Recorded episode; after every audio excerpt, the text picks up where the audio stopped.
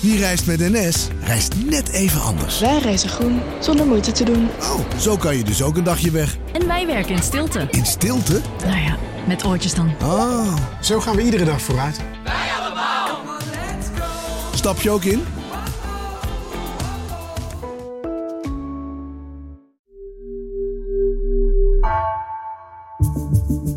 Vanaf de redactie van NRC het verhaal van vandaag.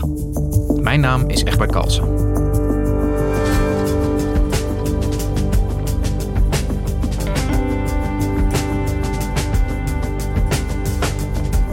El Salvador is het eerste land dat de bitcoin als officieel betaalmiddel heeft ingevoerd. In het kustplaatsje El Zonte, ook wel Bitcoin Beach genoemd, is betalen met de cryptovaluta al doodnormaal. Buitenlandredacteur Marijn de Waal ziet hoe de president zijn land via de bitcoin een voorloperschool wil geven. Maar hoe is dat voor de gewone Salvadoraan?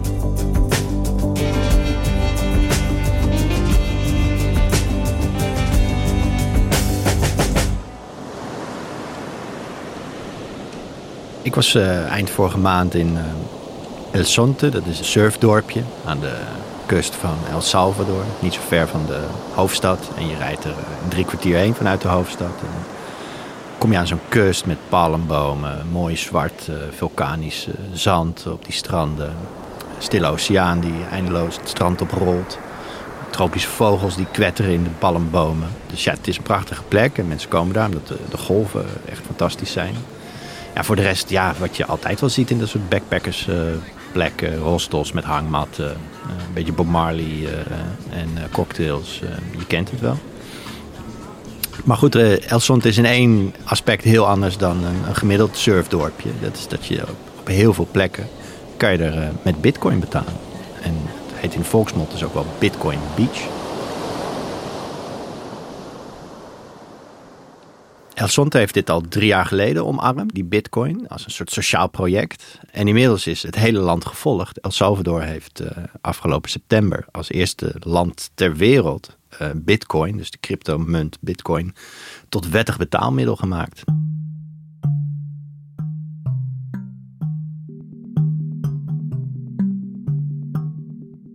Marijn, jij bent uh, buitenlandredacteur met de Amerika's en dus ook uh, Latijns-Amerika als interessegebied. En je was in El Salvador. Misschien goed om heel even bij het begin te beginnen. Die bitcoin, hoe werkt dat ook alweer? Ja, het is dus de bekendste cryptomunt die er is. Bitcoin is een stukje code, uh, nullen en enen. Maar die code zit zo in elkaar dat als jij hem op je telefoon hebt staan of in je wallet hebt zitten, dan hoort het geld dat bij die code zit, is van jou. En uh, die koers staat inmiddels van 1 bitcoin staat op 35.000 euro ongeveer. Dus je, als je bijvoorbeeld voor 10 euro bitcoin koopt, dan krijg je dus 0,000 nog wat bitcoin. Um, nou ja, dat, daar kan je dus mee betalen als je wil. Je kan er ook in beleggen, dat is ook wat veel mensen doen. Maar in El Salvador hebben ze dus besloten om er een uh, betalingssysteem rondom op te tuigen. En dat is voor El Salvador heel nuttig, uh, zeggen ze daar omdat 70% van de mensen heeft nu helemaal geen bankrekening. Kijk, voor ons is het heel normaal om uh, een koffie op het station uh, of kleding met een pinpas of een creditcard te betalen. Maar dat is voor die mensen, de grote meerderheid van de mensen daar helemaal niet aan de orde. Die hebben dat helemaal niet. Uh, dus die doen alles met cash.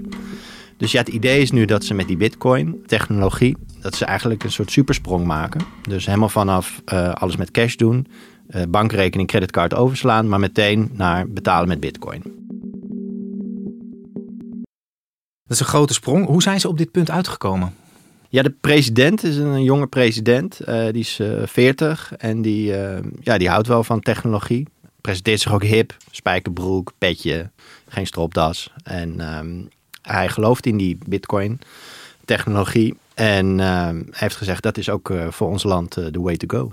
El Salvador's president picked the perfect place to unveil his country's crypto plans, the Bitcoin Trade Show in Miami. Vorig jaar het grote Bitcoin-congres in uh, Miami. De president van El Salvador, Najib Bukele, die was daar niet zelf, maar die had wel een vooraf opgenomen boodschap uh, ingesproken. En daarin maakte hij dus bekend dat hij als eerste land ter wereld Bitcoin als officieel betaalmiddel wilde gaan invoeren. I will send to Congress a bill that will make Bitcoin a legal tender in El Salvador.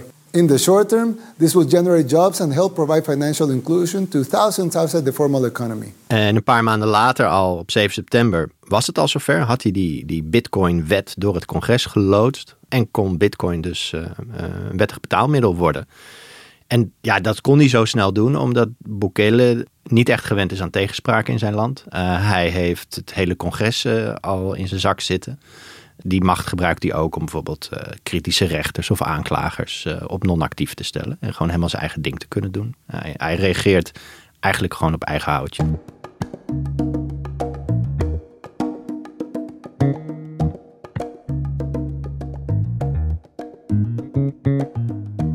En, en waarom wil hij zo'n voorloper zijn internationaal gezien als het gaat over die bitcoin als betaalmiddel?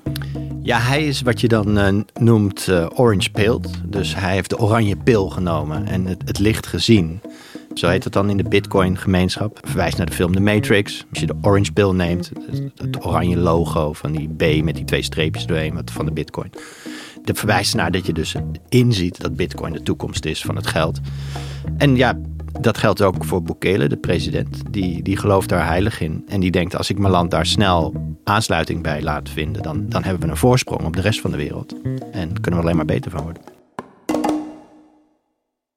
Wat je dus ook veel ziet in de, in de bitcoin-gemeenschap... is dat er een soort geloof is dat de dollar... Die, de Amerikaanse dollar is nu de reservemunt wereldwijd dat die dollar op een dag zal vallen. Dus uh, de kritiek is, vroeger werd de dollar nog gesteund door goud. Hè. Voor elke dollar die werd uitgegeven lag er ook een, een, stuk goud in een bankkluis. Dat is al heel lang geleden losgelaten. En de Amerikanen blijven eigenlijk maar steeds geld bijdrukken, is de kritiek.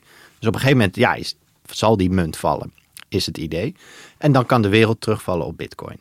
Uh, El Salvador is een van de landen die geen eigen munt meer heeft. Die hebben de kolon afgeschaft begin deze eeuw en die hebben de Amerikaanse dollar ingevoerd. En ja, wat de president eigenlijk zegt is we moeten op, op, op twee paarden gokken. Dus we moeten nog steeds de dollar houden, maar we moeten ook klaar zijn voor de toekomst als misschien bitcoin de nieuwe reservement van de wereld wordt. Het riekt ook een beetje naar een marketingstunt als ik dit uh, zo hoor van jou. Heeft, heeft hij er ook nog politieke bedoelingen mee, vroeg ik me af. Oh ja, zeker. Hij maakte zeker mooie sier mee. Uh, bijvoorbeeld uh, eind vorige maand werd het in San Salvador het Chivo Pets Hospital geopend. Dat is dus een dierenziekenhuis waarvan de president zegt dat het gebouwd is dankzij de, de, de winst die er is gemaakt op bitcoin beleggingen. Waar je dus je huisdier kan laten behandelen voor omgerekend een kwart dollar in bitcoin. Uh, dus ja, dat is spotgoedkoop. En dat, ja, veel Salvadoranen vinden dat mooi.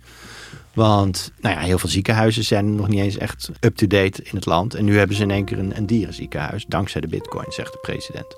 Dus hij probeert er zeker mooie sier mee te maken. En er is ook nog het aspect dat heel veel Salvadoranen hebben familie wonen in de VS. Er zijn ongeveer 6,5 miljoen Salvadoranen in het land zelf wonen. En er wonen nog 2 miljoen in de VS. En die sturen dus heel veel geld op. Dat is eigenlijk de, de kurk waar de economie van het land op drijft. Dat is ongeveer een kwart van het nationale inkomen. Maar goed, die worden nu nog vaak overgemaakt via een banksysteem of via Western Union. En ja, die financiële instellingen die, die, die willen daar natuurlijk een kleine vergoeding voor. Dus die transactiekosten, daar is het land ook behoorlijk wat aan kwijt. Volgens de president gaat het om 400 miljoen dollar per jaar aan fees, dus aan transactiekosten. En hij zegt, ja, als jullie nou via bitcoin elkaar geld over gaan maken binnen je families, dan omzeilen we die kosten. En die, dat geld houden we dan in eigen zak. Ja. En dan maak je je ook wat losser van de VS en van het dollarsysteem. Dat zegt hij ook. Ja, hij zegt ja, waarom zouden we die banken gaan spekken? Want dat zijn allemaal Amerikaanse banken natuurlijk. Als we het ook in eigen zak kunnen houden. Dus politiek en, en ook economisch heeft Bukele er een, een, een verhaal bij. Jij bent daar geweest. Hoe ziet dit in de, Bitcoin als betaalsysteem? Hoe ziet dat er in de praktijk uit daar? Ja, kijk, ik wilde gaan kijken. Het is al een half jaar geleden ingevoerd dus. En toen zag je de eerste paar weken een paar kinderziektes met de app en zo. Maar ik dacht, nou ja, als je nou een half jaar later gaat kijken, dan is dat misschien wel eruit. En dat klopt. Er zijn steeds meer mensen die inderdaad de zogenoemde Chivo Wallet, dus dat is de digitale portemonnee, hebben gedownload. Die de Salvadoraanse overheid heeft ontwikkeld. Chivo betekent letterlijk geit, maar in Midden-Amerika wordt het ook vaak gebruikt voor iets wat cool is, uh, gaaf. Dus ja, de, de Chihuahua Wallet is een, is, is coole portemonnee waarmee je je bitcoins kan opslaan. En iedere volwassene kreeg, als die zich aanmeldde en die app downloadde, daar van de overheid 30 dollar ingestort. Nou, dat is echt best wel een lekker bedrag voor Salvadoranen. En heel veel mensen hebben inderdaad ook die app wel gedownload. Soms hebben gewoon die 30 dollar meteen stuk geslagen aan boodschappen. Maar andere mensen zijn hem wel blijven gebruiken. Ehm, het is onbekend hoeveel. Het is denk ik volgens nog vooral een gimmick voor mensen die het leuk vinden. En bijvoorbeeld in de, in de duurdere wijken van San Salvador met malls en food courts en Starbucks. Daar zie je wel overal inderdaad al uh, bitcoin logootjes uh, bij de kassa. Maar ga naar een doorsnee restaurantje en vraag kan ik met bitcoin betalen. En de, en de ober kijkt je echt in grote paniek aan.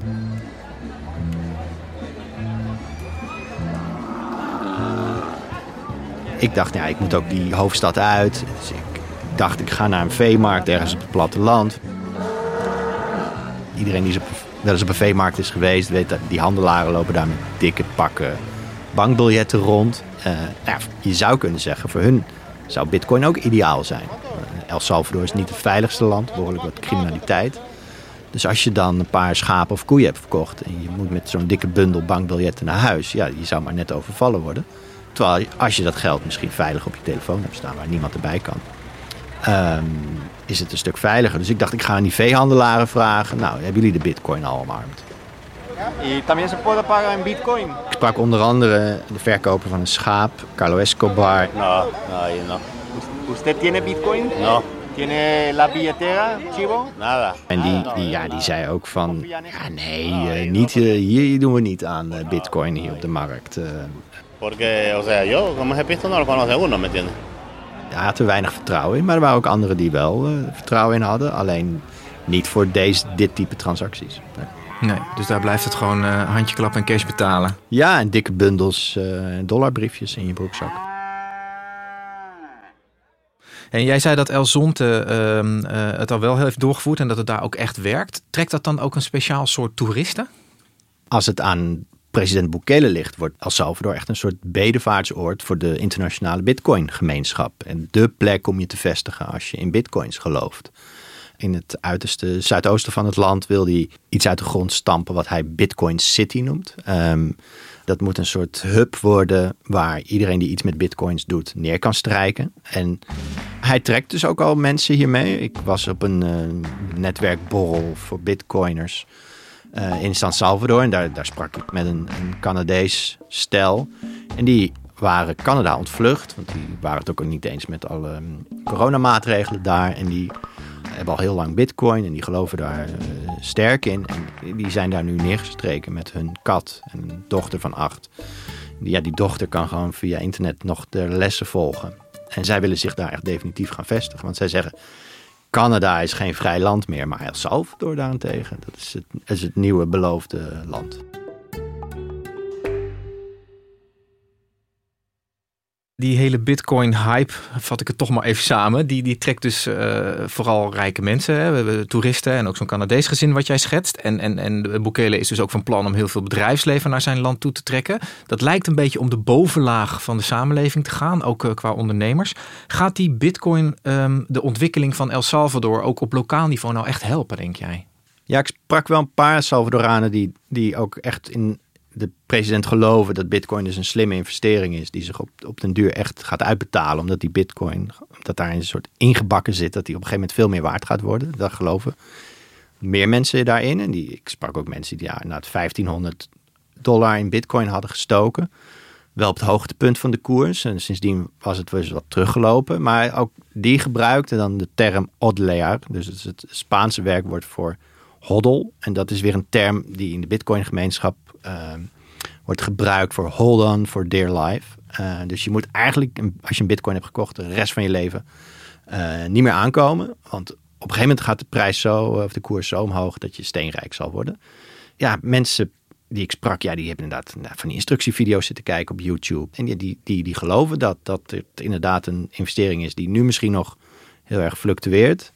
Maar die uiteindelijk op de lange termijn zich echt zal uitbetalen. En dat het dus ook voor hunzelf en niet alleen voor hun land de moeite waard is om erin te stappen. En, en welke rol speelt uh, president Bukele in dit hele verhaal? Uh, is hij heel actief met het bevorderen zeg maar, van de acceptatie van bitcoin? Ook? Ja, je moet Bukele zien als iemand die, die echt vooral heel veel twittert. En bijvoorbeeld op de dag dat uh, de bitcoin op 7 september dus wettig betaalmiddel werd, nam die koers van de cryptomunt enorme uh, duikvlucht. En hij zei, ja, dat is het uh, Internationaal Monetair Fonds die ons dwars wil zitten. Die hebben die, die koers gesaboteerd. En van de weeromstuit zei hij toen, ik heb meteen weer voor 21 miljoen dollar een extra bitcoins ingekocht. Uh, voor want, zichzelf of voor het land? Voor het land. Want hij handelt, hij zegt ook dat hij vanuit de schatkist met zijn telefoon direct bitcoins kan handelen op Twitter. Uh, heeft hij dat toegegeven.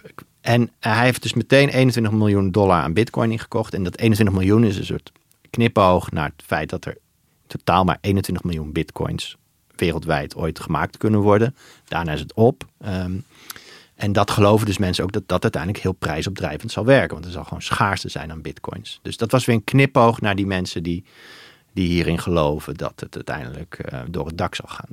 Uh, dus ja, hij speelt daar de hele tijd mee. En ja, de mensen die hem volgen hierin, ja, die vinden dat fantastisch. Ja. Het is wel fascinerend. Een president die op zijn eigen telefoon uh, rechtstreeks uit de schatkist aankopen kan doen. Ja, absoluut. Ja. Het zit, zit natuurlijk ook een risico aan. En daar wordt ook door het IMF tegen gewaarschuwd. Van ja, jullie maken je financieel kwetsbaar het raakt uiteindelijk dus ook de betrouwbaarheid van de overheidsfinanciën, zeggen zij. En dat kan ook weer de financiële sector van zo'n land besmetten. Maar ja, dit wordt door de voorstanders van Bitcoin en van Bukele allemaal gezien als een Amerikaanse poging om hem dwars te zitten, om hun eigen dollar te beschermen. En dat het eigenlijk een achterhoedegevecht is en dat Bitcoin uiteindelijk zal winnen.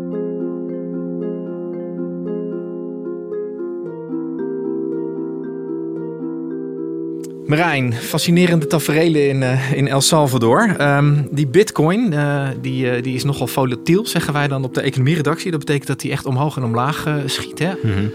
Dat maakt het volgens mij tot een moeilijk betrouwbaar betaalmiddel. Hè? Als je de ene dag één brood ervoor kan kopen en de andere dag een half brood, hoe krijg je je huishoudboekje dan op orde? Ja, dat is inderdaad een risico. En ik vroeg dat ook in El Sonte. En daar zeiden mensen, ja, maar wij zijn vaak al ingestapt in bitcoin toen de koers nog 3000 was. En inmiddels ja, zit hier eh, rond 35.000. Dus die mensen hadden nog steeds een virtuele winst in hun hoofd. En dat maakte ook dat ze wat meer vertrouwen erin hadden dat, dat het uiteindelijk wel goed zou komen met die koers. En in de wallet, eh, de Chivo wallet, zit ook een soort optie dat je, je kan daar zowel een mapje voor dollars aanmaken als een mapje voor bitcoin. Dus ja, wat je bijvoorbeeld zou kunnen doen is, als je laat erin gelooft dat die koers op de lange termijn echt gaat, uh, omhoog gaat spuiten, dat je daar bijvoorbeeld je, je, spaargeld in bitcoins aanhoudt en een, een beetje zakgeld voor je lopende rekening in dollars aanhoudt. En op die manier kan je ermee schuiven. Maar het is inderdaad, um, zeker voor mensen met een krappe beurs, kunnen die fluctuaties natuurlijk enorm uh, erin hakken. Hey, en El Salvador als eerste land uh, hiertoe overgegaan. Uh, weet jij of er ook al andere landen zijn die ditzelfde overwegen? Nou, er is een politicus in Paraguay en die wordt waarschijnlijk ook presidentskandidaat volgend jaar. En die, die oppert dit ook. Dus dat Paraguay het, het voorbeeld van El Salvador moet gaan volgen. En ook in verschillende Amerikaanse staten zijn er politici die hier nou, campagne mee voeren met dit idee. Dat bijvoorbeeld in Nevada en, ook, ook bitcoin als legal tender wordt omarmd. Wat El Salvador in ieder geval laat zien is dat je een heel klein landje zich er internationaal bekend mee kan maken. Uh, toeristen misschien kan trekken, investeerders. Uh, of het echt gaat werken, weet ik niet.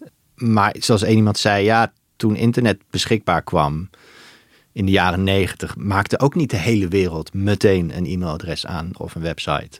Weet je, dat waren de de vroege adapters die er misschien mee begonnen. En uiteindelijk, ja, nu zitten we 30 jaar later met z'n allen urenlang op het internet elke dag. Ja, dus ja, ja. het kan raar lopen. Zo is het. Marijn, dankjewel voor dit inkijkje op uh, Bitcoin Beach. Graag gedaan.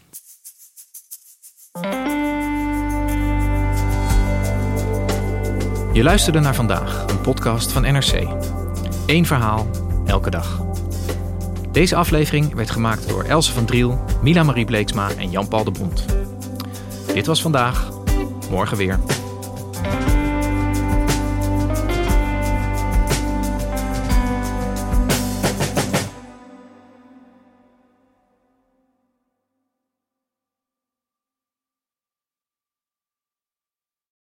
De financiële markten zijn veranderd, maar de toekomst, die staat vast.